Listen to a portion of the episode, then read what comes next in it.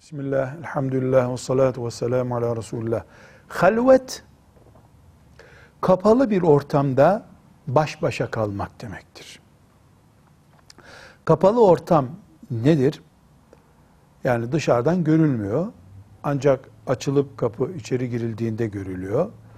Mesela bir doktorun muayenehanesi, e, içeride sadece erkek doktor ve kadın hasta bulunduğunda halvet ortamıdır. Şimdi e, yeni dünya tıp uygulamalarında doktor ve hastanın baş başa kalması şeklinde bir anlayış var. Yani doktorla hastanın daha iyi anlaşabilmesi, doktorun hastayı anlayabilmesi, hastanın doktorla iyi konuşması açısından neredeyse küçük çocukları bile annesiz doktorun yanına alma yönünde bir meyil var. Bunun doğru olan yönleri var şüphesiz. Ama genç veya ihtiyar bir kadının erkek bir doktorla veya genç bir delikanlının bayan bir doktorla halvet denebilecek şekilde baş başa kalmasını fıkhen kabul edemeyiz biz. Hemşire bulunuyorsa orada hiçbir sakıncası yok.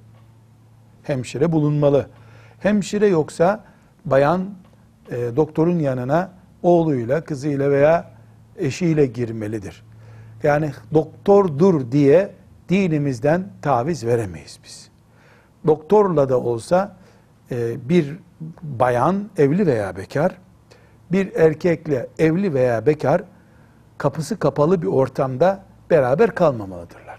Hemşire yok, mecburen doktorun bulunması, yani doktorun alternatifi yok, hemşire yok gibi şartlarda en azından kapı açık olmalıdır. E, muayene esnasında kapı mesela kadının bedeni muayene edilecektir. Kapı açılırsa dışarıda bekleyenler görür. Aralık bırakılmalıdır. Bir yol bulunmalıdır.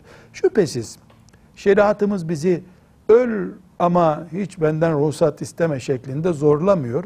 Yani olağanüstü bir trafik kazasında veya bayılmış bir kadında benzeri olağanüstü durumlarda bu kuralları araştırmıyor olabiliriz. Allah'ın orada rahmeti geniş.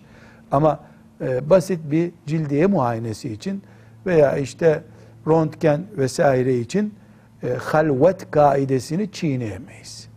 Velhamdülillahi Rabbil Alemin.